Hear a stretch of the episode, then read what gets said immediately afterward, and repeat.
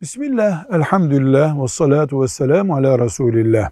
Hanım kardeşimiz der ki, çocuklara sık sık söz vermek zorunda kalıyoruz. Olur diyoruz.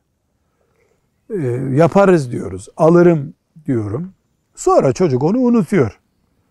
Biz de unutuyoruz. Bu da yalan gibi mi Allah katında diyor. Cevap olarak hanım kardeşimize ve hepimize şunu hatırlatıyoruz. Müslüman ağzından bir söz çıktığında onu kime söylediğine göre o sözü değerlendirmez.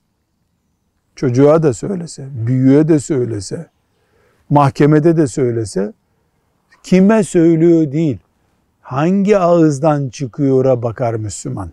Dolayısıyla bir annenin, bir babanın, bir öğretmenin veya bir Müslümanın çocuğa söylediği söz, Müslüman, mükellef bir insanın söylediği sözdür.